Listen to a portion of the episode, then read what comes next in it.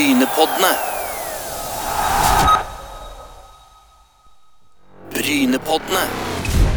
Tord Gudmestad On Tour presenteres i samarbeid med ECS. Teknologi for fremtidens automatisering. Brynepoddene de fortsetter som, som vi pleier å si, og, og det, det skal vi jo ikke si så mye av, Asker. Men når det er Tord Gudmestad on tour, så er det jo mange som tror at det er Torden har i, i studio. Men i dag så er det Eirik Lunder. Og hjertelig velkommen til Brynepodden, Eirik. Tusen takk.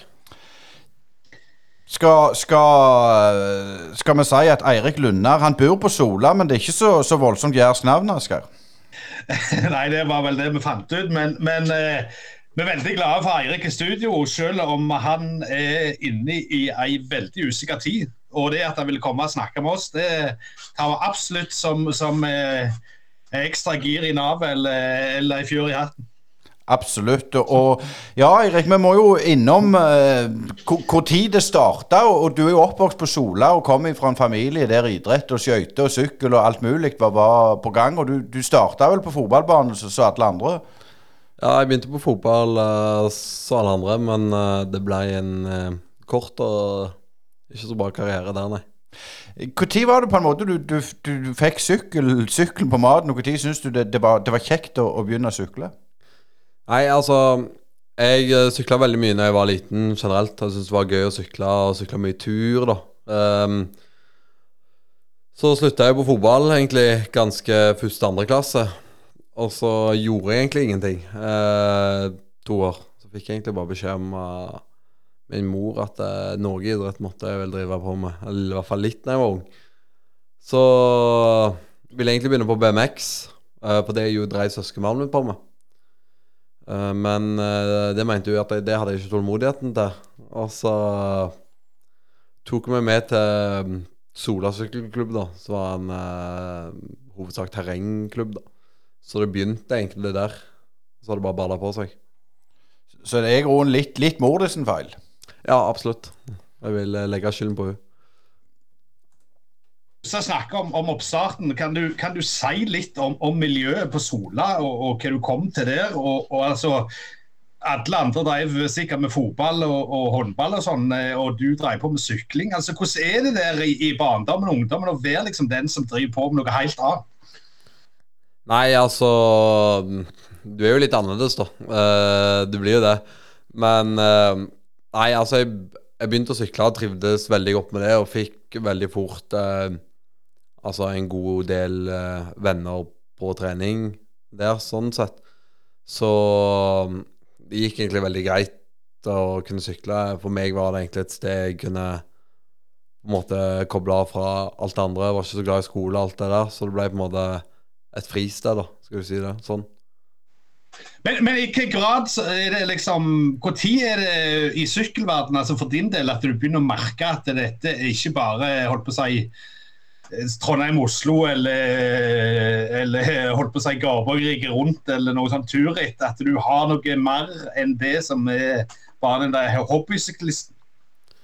Nei, det blir jo det at um, du, du, får ikke lov til å begynne å kjøre bl.a. turritt og sånn før du bikker 16. Uh, så du begynner jo å kjøre vanlig Vanlig på en måte klubbløp, da. Uh, mamma var jo veldig engasjert, så vi reiste jo på det som var. For det var ikke så mye i Rogaland. Så du må opp mot Oslo-området. Så var jeg egentlig ikke så veldig god, for å være helt ærlig. Uh, men så Jeg bytta i miljø når jeg begynte å bli litt Jeg begynte å nærme meg 14-13. Så jeg fra Sola til Stavanger sykkelklubb, for det var et mye større miljø der. Og jeg begynte å bygge venner i det miljøet, for det var mer i min aldersklasse, da. Og da fikk jeg litt mer struktur og litt mer trening på det jeg drev med, da. Uh, med god hjelp av den treneren jeg hadde, da. Uh, så begynte å bli litt resultater da på i aldersbestemte klasser. Og så visste jo, når jeg ble junior, da, og ble 16 så hadde jeg på en måte nesten allerede bestemt meg på hva jeg hadde lyst til å drive med. Uh, så ja. Men, men, altså, jeg går ut ifra Vi har jo snakket om det i andre sammenhenger. så Du, du vokste jo òg litt i disse årene og, og ble litt eh, ble, gikk fra å være gutt til, til ungdom til, til mann. Eh, Hvordan, eh, var- det noe sånn eh, milepæl du kan si som at eh, da følte du at eh, nå er jeg på gang? Eh, Er det liksom konkret løp eller et år du følte at nå er jeg på en måte en annen plass enn jeg var i starten, som du sa at det ikke var så veldig enkelt? Jeg husker, jeg husker veldig godt når jeg var eh, 14. Eh, da sykla jeg et løp, eh, ganske stort løp da for vi som var 14, da. Eh, som var eh, Heta Ringerike Peter Prix, eh, heter det vel da. Eh, så det begynte med en bakketempo. Eh, det var nesten sist. Eh, jeg, jeg, jeg, jeg jo Jeg var ganske stor, da. Altså, jeg er høy og var tung. Så dagen etterpå så var det en vanlig tempo. Og den gikk mer nedover enn den gikk oppover. Så da husker jeg jeg ble sjekka på om jeg hadde juksa i løypa, for uh, det hadde gått så mye fortere i forhold til hvor jeg var. Og det var egentlig da uh, måtte det snudde litt, da. Og ja. Men jeg tenker sånn når du er, når du er ung, sånn når du sier det, Vi har jo forstått det at det er forskjell. sant? Det er, for, det er opptrekkere, det er spurter, det er klatrere osv. i det laget. Men når begynner de å spisse det? Hvor, disse trenerne, Når så de dette, at du var det og det, på en måte? Nei, altså, du finner jo Du finner jo litt ut av det sjøl òg. Det er jo litt hva du liker. Altså Du kan jo bestemme litt sjøl. Det er jo litt hva du velger å jobbe med, da. Altså Noen er jo begava veldig mye til å være god i én ting, men eh, det er mye du kan trene deg opp på hvis du legger inn tida. Eh, men Så du begynner jo egentlig Altså, du begynner å virkelig se på det når du blir senior rundt et par 20, da. Når du blir rundt 20 Du vet jo hva du er god på før, men det er da du virkelig ser hva som blir måte din spesialitet, da. Men Kan du si litt om eh, Stavanger sykkelklubb? Altså, du sa det, du kom i et annet miljø, og, vi har eh, vært borti andre idrettsutøvere som har skifta miljø og, og blomstra i nye miljø. Hva, var den store forskjellen vil du si, mellom det du var vant med på Sola, som var jo selvfølgelig en mindre klubb, og, og det du fant i Stavanger? Altså, Var det noen personer der som, som betydde litt ekstra? Uh, ja, absolutt. Uh, blant annet eh, Jeg fikk han treneren min, også Erik Aasland. Han var Han var en enorm ressurs, og han Han var der med meg helt til jeg ble profesjonell, da. Så han har vært mye der. Og han generelt hadde en Vi hadde en veldig god gruppe der, så vi var en ti-tolv ryttere på samme alder. Med to års mellomrom opp og ned som alltid trente og jobba sammen og pusha. Så det var et, eh, det var et ekstremt konkurransemiljø på trening, så løfta alle, egentlig. Bare jeg skyter inn der før du fortsetter, Asker. Eh, Ja, bare så det er klinkende klart, du er profesjonell rytter nå, men sånn som i den 16-17-18-årsalderen Hvor mye trente dere da? Nei, de var jo Det var en god del timer. Altså, det var skole, og så var det trening, så jeg regner med Nei, jeg trente vel når jeg var Siden jeg ble Gikk ennå på skole og var 17-18, da. For altså de siste åra på skole, så lå jeg vel på en mellom 700 og 900 timer i året. Uh, så jeg har alltid trent ganske mye uh, i forhold til hva som har vært normalt i uh, både sykkel på den alderen og generell trening på den alderen. da. Vil, du si du, du er litt sånn et, eh, det de kaller et, treningsprodukt? At du, du har måttet gå den ekstra mila for å komme der du er i dag? Uh, ja, det vil jeg si. Jeg har har egentlig aldri vært noe eh, spesielt stort talent. Uh, det um, Jeg føler er mye hardt arbeid, og så begynner det å betale seg litt nå. Men uh, merker nå det kommer ikke gratis. Må enda trene enormt mye. Eh, men jeg føler at eh, jeg har aldri hatt et talent for å sykle eller noe. Det er mye jobbing. Så har jeg lyst til å spørre litt, altså Du kom jo inn etter hvert i det som kalles eh, Team Coop. og, og, og De sykla jo mye og trente mye i lag med Alexander Kristoff bl.a. og gjør det sikkert ennå. Men, men altså, å komme inn i det miljøet der du ser en kar da, som har vunnet store etapper og, og vært med i store ritt og, og på en måte er er, det shit, for å si det på godt norsk. Hvordan, hvordan føles det for en ung rytter å, å gå inn i et sånt miljø? Nei, altså Det å kunne jobbe måte, så tett med Alexander, da eh, Det er jo Altså Først og fremst så er det jo helt fantastisk at, den, at han vil trene med oss, da. Men eh, em, vi er jo veldig privilegerte, vi som er herfra og har den muligheten. Både han og Sven Erik, da, som uh, er to klasseryttere. Og du ser jo hvor lista er hver dag, og det er absolutt noe å kunne strekke seg etter.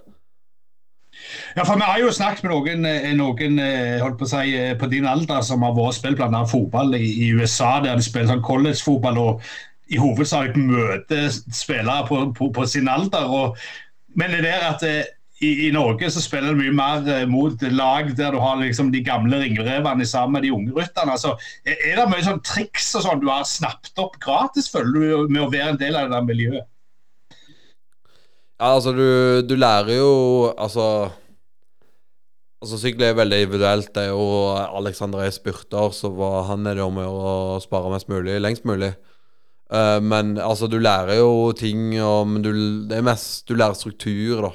Og du lærer at uh, når det skal trenes hardt, så skal det være hardt. Og når det skal være rolig, så skal det være rolig. Du får en struktur på det du driver med. Og du vet at det du gjør, så lenge du gjør det, så vet du det fungerer. Fordi du har uh, et utrolig bra eksempel på det her. Ja, du får referansen der. Men når du kom fra Stavanger sykkelklubb opp til Team Coop, var det det som var nå, det sånn ledende spørsmål, men, men hva var den, den største forskjellen, syns du? Var det det at det var mer struktur og mer profesjonelt? Ja, det blir mye mer profesjonelt, da. Altså, du går jo fra Når du er klubbrytter, så har du jo alle utgifter sjøl. Og når du kommer inn sånn, så er det jo en haug med folk som er der for at du skal levere best mulig. Eh, så alt det du gjorde før, å bære opp bagen og vaske sykkelen og alt det der elimineres jo. Så du har mye mer tid til å slappe av, spesielt på løp, da. Og så er det jo et større press på deg, da. Altså, du må jo levere, og du må Det blir jo jobb. Uh, så det går jo litt vekk fra å være hobby, da. Uh, så Men det er noe jeg liker, da. Men Team Coop, er- det vil vel si at det er nivå tre der, altså i Post Nordligaen, hvis du følger fotballen? Ja, det er jo nivå tre, uh, så det er jo på en måte Team Coop er jo et lag som er lagd for å være et springbrett for uh, norske og spesielt lokalryttere da, til å kunne bli Ta steget opp til både nivå 1 og nivå 2. Og komme ut i Og kunne virkelig, virkelig leve av uh, idrett. Men Eirik, eh, du, du lever jo av idretten eh, nå, eh, iallfall opp til, til våre dager. Det skal vi komme litt tilbake til. Men, men kan du gi oss noen sånne små milepæler i Coop-tida? Kan du gi oss noen sånne små høydepunkt fra karrieren din i, i, i de årene du var i Coop? Ja, um, det er utrolig mye bra tider der. Uh, men eh, det som virkelig strekker seg, det var i fjor, når eh, vi var i Polen. Eh, det blir jo min første seier, så den henger jo høyt for meg, da, selvfølgelig. Eh, men da kjørte vi fire dagers etappeløp hvor vi vant tre av fire etapper pluss sammenlagt. Og var tre på etappen vi ikke vant. Og vi kjørte et endagersløp dagen etterpå som vi òg vant. Så vi hadde jo da fem seire på egentlig fem dager.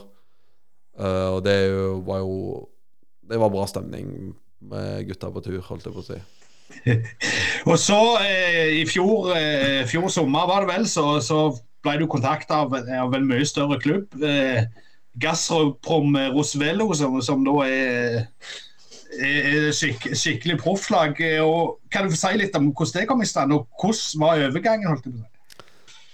Nei, altså, det var jo eh, Alexander da, som uh, var en stor brikke der. Ehm, så han var vel på ritt i, på Mallorca. Uh, så var det, var det Gazprom òg der, da. Så lurte de på om han visste om noen norske ryttere, for det var Det er veldig vind, og norske ryttere Det er mange som gjør det bra.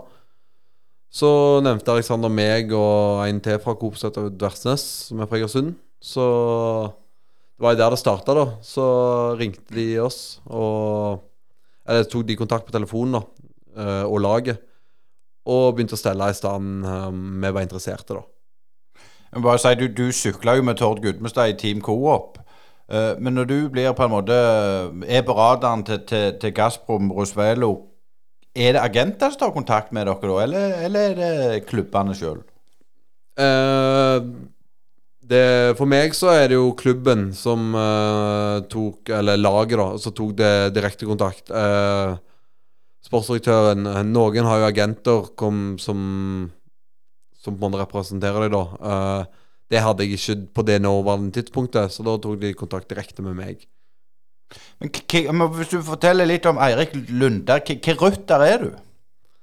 Jeg vil jo si at jeg er en uh, allrounder med en eh, litt hver spurt, uh, og ikke fullt så god oppover. Uh, men med mye kjørestyrke, da. Men, men Eirik, eh, nå må vi jo litt tilbake til den overgangen igjen. Og, og du, du gikk jo eh, si, du, du var jo på, på, på, i hermetegn på et litt sånn prøvetid i, i Gazprom-laget. Hvor- Hvordan var det, hva var den store forskjellen for, for deg personlig å, å begynne å sykle for den klubben kontra Coop? Vi vet jo at du sykla jo fremdeles mye med gamle Coop-gjengen, men altså, hvordan endra livet seg for deg etter du begynte der? Du merker veldig at det er et uh, nivå opp. Du merker at det er Altså, det er Én så er det jo mer press, det er et høyere nivå, det er harde løp, altså Det er folk som har gjort dette i 20-30 år, som sykler der, og jeg renner over av erfaring, og um, så altså, det blir mer profesjonelt da igjen. Altså, de har mer penger, og de har uh, Så det blir jo Det blir liksom Alt det Coop har, og så blir det på en måte ganger ti da, på grunn av det nivået de er på. Så det, det er jo egentlig bare at ting er mer profesjonelt. Folk jobber enda mer for deg. Det Istedenfor Coop så hadde vi med to, si, to mekanikere og to massører, da. Så går på skift, så kommer du dit, så har de med seks. Så det blir jo et lag som er rent på at eh, vi skal ikke utvikle oss her. Her skal vi Altså, laget skal ikke utvikles. Ryttere her skal vi levere når vi kommer. Men klart, for, for din egen del, Eirik, når du kommer, en enkel sjel fra Sola kommer inn i et internasjonalt sykkelteam i, i Gazprom der, med, med mange språk og, og, og italienere og tsjekkere og russere og you name it. Hvordan var den overgangen rent på det sosiale? Uh, det gikk egentlig overraskende bra. Um, nå gikk jo jeg med en veldig god venn av meg, uh, som òg kom fra Coop samtidig. Så vi var jo to nordmenn, da. Så det var jo veldig lett, egentlig. Og vi reiste jo sammen på alle løpene og bodde jo sammen, så vi snakka jo mye sammen. Og så kan jo alle engelsk, så um, det var absolutt uh, Vi ble veldig, veldig positivt overraska over at det, alt gikk på engelsk når vi var der. Det var gjerne ikke så fint å si han var en enkel sjel fra Solasker, men, men de er vel enkle på Sola, er det ikke det? Nei, det, det, det spørs. De har jo flyplass, så de, de kan jo komme seg vekk derifra. Men, men altså, det jeg tenker på, er, er altså, I løpet av det der første halvåret når, når du begynte i, i klubben altså, Hvis du tenker på sånn eh, mål og sånn som så du måtte på en måte gjennom for å få kontrakt, altså, hvordan, fungerer det? Altså, er det noe sånn Får du noen sånn eh, skisse om hvor du skal være om et halvt år, eller sånn, eller må du bare prøve å feile litt sjøl? Hva tenker du på etter jeg får kontrakt, eller mens jeg har den? Altså, Du hadde vel en slags sånn læ læretid, eller sånn eh, apprentice-kontrakt, hadde du ikke det til å begynne med? Altså, det, eh, det, det, det første halve året. Eh, var det ikke sånn? Jo, jeg hadde jo det i Altså Det blir ikke et halvt år. Det blir de siste tre måneder av sesongen for det. Uh, men uh, uh, Altså Ofte handler de kontraktene egentlig om å bare ikke eh, drite seg ut. Um, det er mer, mer på Altså Det har jo litt å si hva du leverer på sykkel òg, men har du kommet såpass langt at de vil tilby deg det, så er det ofte står det mer på hvordan du er, og ofte da at eh, de, vil, de er mer interessert i hvordan du er. Du kan ikke være helt ræva heller. Da går det ikke så bra. Men eh, jeg eh, var heldig og hadde en veldig god periode når jeg var der som læregutt, så um, jeg fikk gjort et bra inntrykk, uh, tydeligvis. Men, men eh, kan, du, kan du si litt Eirik, om forskjeller for eksempel på, på løpstaktikk og sånne ting? Altså mellom det du var vant med og det du møtte der. Altså, der, jeg vil gå ut ifra at det er på en måte ulike sjangre innenfor sykkelsporten. Hvor aggressiv du skal være og, og, og hvordan du skal ligge og lure osv. mellom lag. og hvordan, hvordan følte du du passet inn i det greiene? Nei, jeg føler jo egentlig at uh, de litt større løpene egentlig Jeg føler det er lettere for meg å gjøre det bra i, på det nivået. I forhold til at det, det, er litt mindre kaos. Det er litt mer eh, Det er mye mer kontrollert av de virkelig store lagene. Altså, de vil det, og de, når de virkelig store lagene vil noe, så skjer det som regel. Mens i de løpene vi kjører som Coop, så er det litt mindre løp, da. Så er det jo mye mer Altså, alle vil jo vise seg fram der. Så er det litt mer kaos. Uh, så det er lettere å plukke ut dager du vet du kan uh, levere på, fordi mest sannsynligvis så kommer dette til å skje. Det er ikke Det er litt mindre åpent, da, skal du si sånn. Men, men deg personlig, altså, sånn løpsmessig, er du mest glad i, i endagsklassikerne, eller er det torene som, som trekker deg eh, mest? Jeg foretrekker etappeløp. Uh, mer muligheter, syns jeg, da. Um, så jeg, jeg, er mest glad i etappeløp.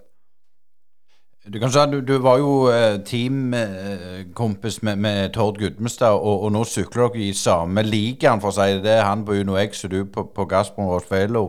Eh, har du noe kontakt med, med, med de andre rytterne? Ja, ja, jeg har snakket med dem hver dag. Så Nei, vi er jo enda egentlig akkurat samme treningsmiljø. Og Altså, vi jobber sammen og prøver Selv om vi er på forskjellige lag, så jobber vi hverandre gode sammen.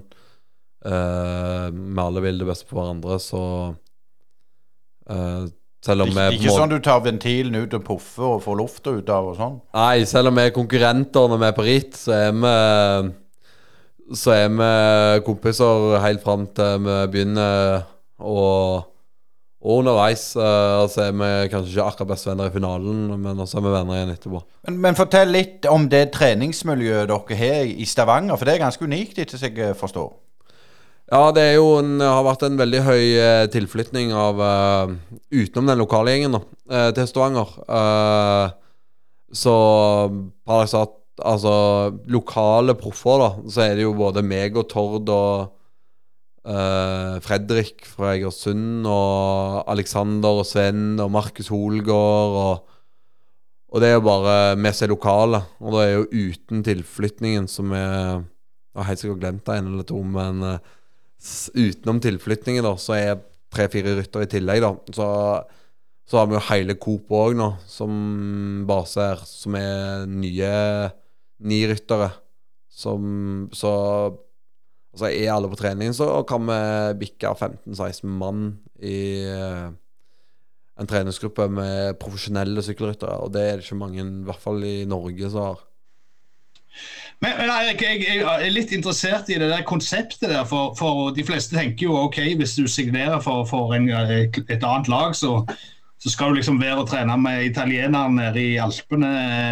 Eller så skal du eh, holdt på å si, ligge og sykle fram og tilbake til Ural. Eh, men eh, hva er grunnen til at dere har valgt den ordninga som dere har? Nei, altså sykkel er jo litt sånn uh, Det er ikke på samme måte som fotball. og sånn. Du, du må ikke trene med laget.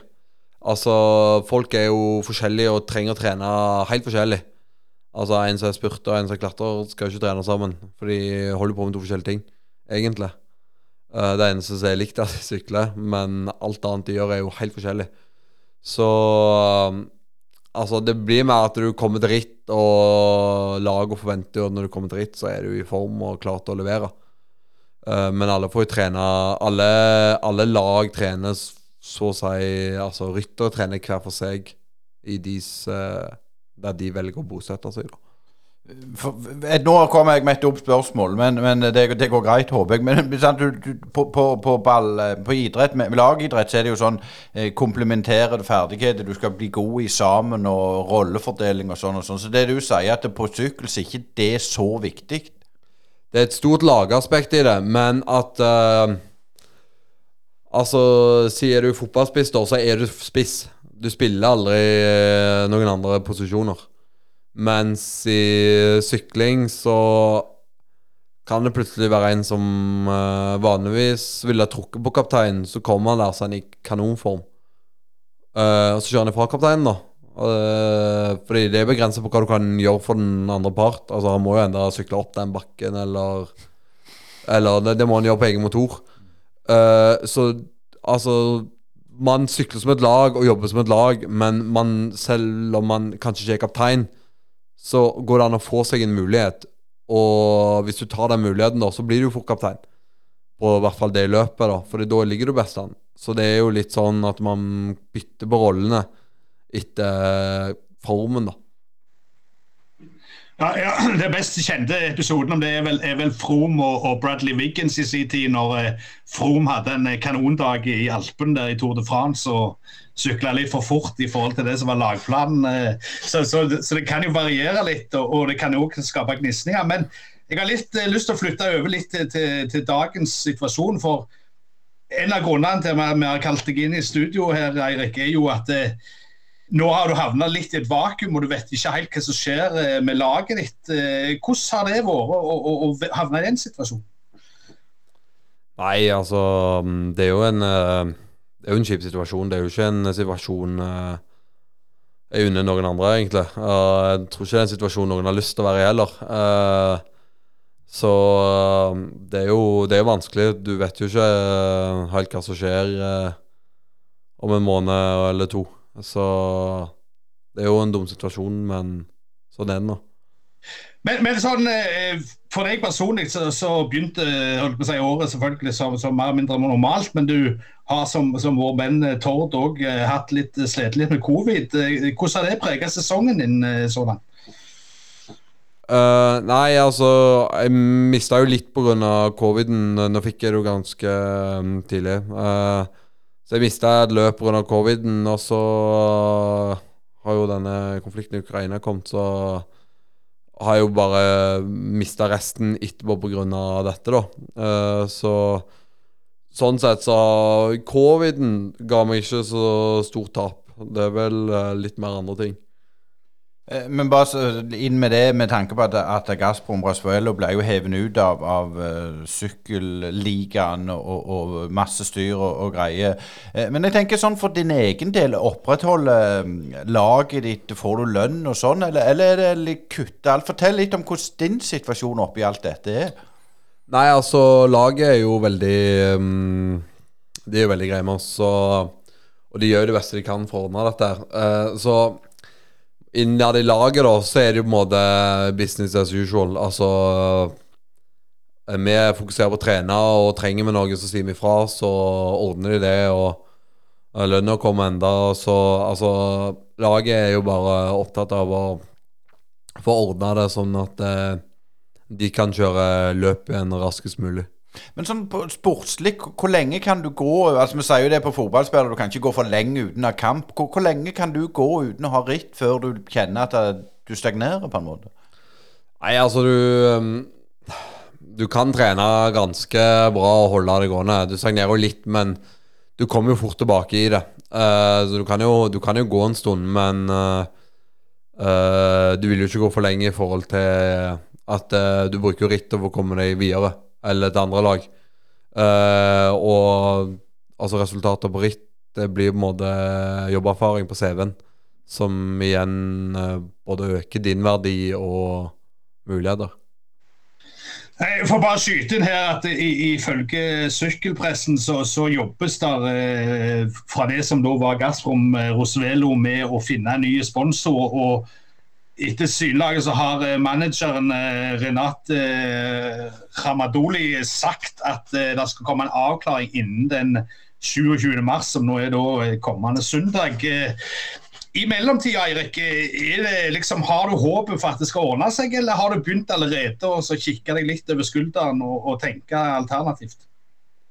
Nei, altså Jeg har jo selvfølgelig håp om at de får til noe. Uh, det er jo aller det jeg helst ønsker. Eh, men eh, altså Jeg har jo selvfølgelig sett på alternativer. Eh, det er jo sykkel og mm, Det er begrensa med lag og over, Det er ikke overgangstider nå.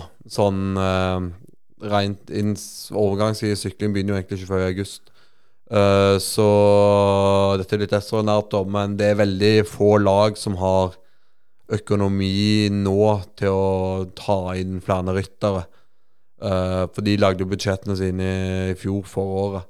Så det er vanskelig å komme seg inn igjen i et nytt lag midt i sesongen. Så man må Man må være litt tidlige der hvis man i det hele tatt skal ha sjanse. Har du fått noe hjelp? For du er jo i landslaget òg. Har, har, de- vært på, på, på banen og på en måte bistått og hjulpet deg litt? Ja, altså, jeg har jo Agenten min er jo holder jo på. eh, men samtidig så er jo Sykkelforbundet har jo også selvfølgelig ringt og sagt hvis det er noe jeg trenger hjelp med, så er det bare til å ringe. Nå er det jo litt begrensa på hva makt de har, da. Eh, eh, de kan jo egentlig mer hjelpe meg hvis det er en overgang. Eh, så kan de hjelpe meg å få denne til kjapt, da. eh, siden vi er utenfor overgangstider. Eh, men eh, de har ikke så mye eh, de kan gjøre for, at for å finne meg et lag, da. Men, men Eirik, har du vært i kontakt med noen av lagkompisene dine og, og, og hørt hvordan de tenker, eller, eller er det stort sett uh, every man to himself? Nei, altså Vi, vi snakker selvfølgelig sammen, og det er som sagt Altså, det er nesten umulig å finne lag midt i sesongen. Det, det er nesten en umulig oppgave. Uh, for det er så tighte budsjetter innad at uh, Og det er òg regler på antall ryttere, og de fleste lagene har enten ikke budsjett, eller så er de fulle på antall ryttere. Men sånn for din egen del, nå er jeg inne på det, det mentale her, og, og, og personen Eirik Lunde. Det må jo være altså Du har fått, eh, fått drømmen oppfylt og blir proff, og så går det to-tre måneder, så er det ute. Altså, det, det er en berg-og-dal-bane for deg, dette her. Ja, absolutt. Eh, Det er jo Det er jo ikke noe jeg trodde skulle skje. Eh, Det var ikke noe jeg så for meg skulle skje når jeg signerte. Jeg så for meg at Eller det var jo veldig trygt og økonomisk bra, og økonomi har mye å si i sykling. Det, mm, det er mange lag som ryker på det, eh, og det var økonomisk trygt og bra, så jeg tror ingen kunne forutse det som skjedde nå, men det er jo for min egen del Det er jo, det er jo vanskeligere, men det er jo bare til å trene og jobbe videre. Og jeg vet jo hva jeg vil, så jeg må jo bare holde på, ellers så går det i hvert fall ikke. Men, men Eirik, hva tror du det har betydd at du, du holdt på å si, fremdeles trener med gamlegjengen og selvfølgelig snakker med dem? sånn? Har det vært liksom ekstra hjelpsomt i disse dagene at du holdt på å si, kjenner de folka ganske mange år tilbake og, og føler deg trygg blant de folka kontra å være en, en plass du ikke kjente så mange folk? Ja, altså det er jo Det er jo absolutt å kunne komme på trening med Altså, det er jo kompiser. Og kunne komme på trening og kunne Altså, når jeg er ute og sykler, koble litt av, da er du på trening, så da fokuserer du på det. Da glemmer du litt at uh, hva situasjonen er. Da er det det du holder på med nå. Du er ute på sykkelen. Det er ikke så mye forskjell fra hverdags. Så det er deilig å kunne gå ut og trene med de og måtte koble vekk fra den situasjonen som er da. Men, men tror du du får, får et endelig svar nå på søndag, altså 27. mars, eller, eller tror du det kan gå lenger før du får en avklaring, enten du blir sånn eller sånn? Nå har de jo sagt at de skal komme en av- mest sannsynlig en avklaring 27., så jeg regner med det kommer da. Eh, og så hvis de sier noe annet da, så får jeg heller ta en Tror jeg må ta en stilling til det da. Uh, per dags dato er det så det jeg har fått beskjed om òg, så jeg må egentlig bare vente til 27. da, for å se hva som skjer. Helt til slutt eh, her, så må vi jo spørre hvilke mål har du? Er, er, det, er det å vinne en etappe i Tour de France? Er det Ja, fortell et Her må du bare ha, fortelle hårete mål. Nei, altså Målet mitt Altså Jeg har ikke sånne veldig store lange Jeg har ikke mål om å bli verdensmester. Sånn. Jeg har Altså Målet mitt er å kunne drive med det jeg, måte, det jeg elsker å drive med, da. Og kunne være Og bli best mulig for meg. Og kunne bli den best mulige sykkelrytteren jeg kan bli. Og så håper jeg jo selvfølgelig det er mange gode seire og alt det der, men det er på en måte Jeg har ikke ett spesielt løp eller noe jeg vil vinne. Uh, jeg har lyst til å Målet er å kunne bli en klasserytter. Det var utrolig stas å ha deg i studio, Eirik Lunder, og masse lykke til videre i karrieren. Og vi skal følge med deg, og, og så satser vi på det. Det, det ordner seg eh, med, med tanke på, på laget. Brynepoddene. Tord Gudmestad On Tour presenteres i samarbeid med ECS. Teknologi for fremtidens automatisering. Brynepoddene.